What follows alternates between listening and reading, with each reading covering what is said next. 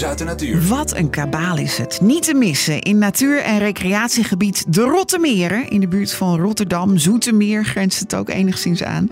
Ze zijn wit en ze schreeuwen. Boswachter Jonathan neemt ons mee in groot nieuws uit de natuur over de kokmeeuwen. Ja, we zitten hier nu uh, bij een kokmeeuwenkolonie. En kokmeeuwen die broeden met uh, heel veel bij elkaar. Wat je ziet bij, uh, bij sommige vogelsoorten, die broeden juist in een uppie. Maar je hebt ook heel veel vogelsoorten die broeden in kolonies. En dat doen ze eigenlijk om ja, de veiligheid van de groep te zoeken. Ik bedoel, als hier nu gevaar aankomt, nou ja, sowieso door het kabaal, door het alarmeren, weet ze al heel gauw dat er een, dat er een indringer komt. En ze kunnen met z'n allen de indringer verjagen.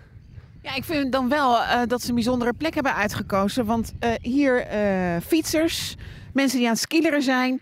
Rechts van ons de roeibaan. En dan daar een, een soort van rustig plekje. Ja, maar tegelijkertijd is het ook een hele slimme plek. Want je zit hier op een eiland. En ik bedoel, nou, wij fietsen hier, we lopen hier. Maar ja, we kunnen daar niet komen. Dat weten die vogels ook. En dat is best wel grappig, want vogels passen zich in dat opzicht veel makkelijker aan dan wij vaak denken. Je hebt bij vogels al redelijk snel dat de gewenning optreedt. Die kokmeeuwen die weten gewoon dat wij maken gebruik van dit fietspad. En wij wijken daar niet vanaf. Wij komen niet een kant op. En dat, dat, als dat iedere dag zo gebeurt, dan hebben die beesten dat ook door. En dan denken ze, oh, maar we kunnen daar eigenlijk best wel veilig broeden. hey, en er is daar wat riet, maar er is ook een heel open gedeelte.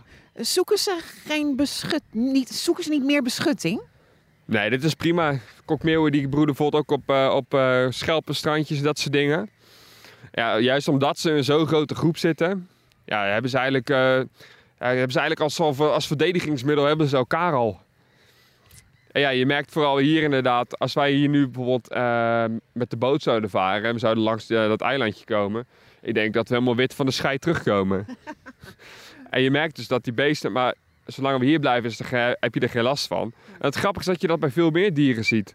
Je hebt bijvoorbeeld in Nederland heb je zo'n knooppunt, zo'n klaverblad. En dan middenin heb je een plasje zitten met wat, uh, wat boompjes eromheen. Ja, bij, bij Oude bedoel je? Utrecht? Voor is het niet bij Utrecht. Ik weet niet precies waar dat was. Maar in ieder geval, je hebt er heel veel van, de, van dat soort plekken. En daar uh, boerden lepelaars. Dus midden op dat knooppunt. Dus eigenlijk uh, hebben die lepelaars hebben, die hebben ook door. Van joh, die auto's die rijden daar iedere dag gewoon precies hetzelfde stukje. Maar nooit dat er een auto richting het plasje komt. Nooit dat er een auto een kant op komt. Dus die lepelaars die, die broeden daar prima. En die zitten eigenlijk hartstikke veilig. Want ja, een indringer als een vos of zoiets is ook nooit zomaar die weg oversteken. Ja. Hey, even een gewetensvraag. Um, vind je het een mooie vogel? Ja, ik vind de kokmeeuw zelf wel mooi. De kokmeeuw is juist omdat hij in zomerkleed krijgt hij uh, een mooie bruin-zwarte kop. Mooi rood snaveltje, rode pootjes. En uh, vooral als ze vliegen, wat er bij kokmeeuw opvalt, is dat ze helemaal voor aan de vleugels hebben ze een hele mooie witte baan. Dus ja, ik vind de kokmeeuw wel een mooie vogel. Vind je het een mooi geluid dat ze maken? Nee, vreselijk. Maar je hebt hier wel regelmatig de zwartkopmeeuw tussen zitten. Dat is eigenlijk eh, een nieuwkomer, een mediterraanse soort. Juist door die klimaatopwarming komt die steeds weer omhoog. En die zit vaak tussen die kokmeeuwenkolonies. En dat vind ik dan wel weer een mooi geluid. Want heel vaak, vanochtend hoorde het hier ook uit die kolonie, hoor eer, eer. Dat zijn die zwartkopmeeuwen. De zwartkopmeeuw lijkt ook veel op die kokmeeuw. Alleen heeft een wat donkerdere kop. En dat zwart loopt verder door. Een nog veel felle rode snavel. En vooral het heel mooi is echt sneeuwwitte vleugels. Helemaal geen zwart op de vleugelpunten zoals die kokmeeuwen hebben. Maar echt spierwitte vleugels. Tegelijk is het ook rotzak hoor, die zwartkopmeeuwen.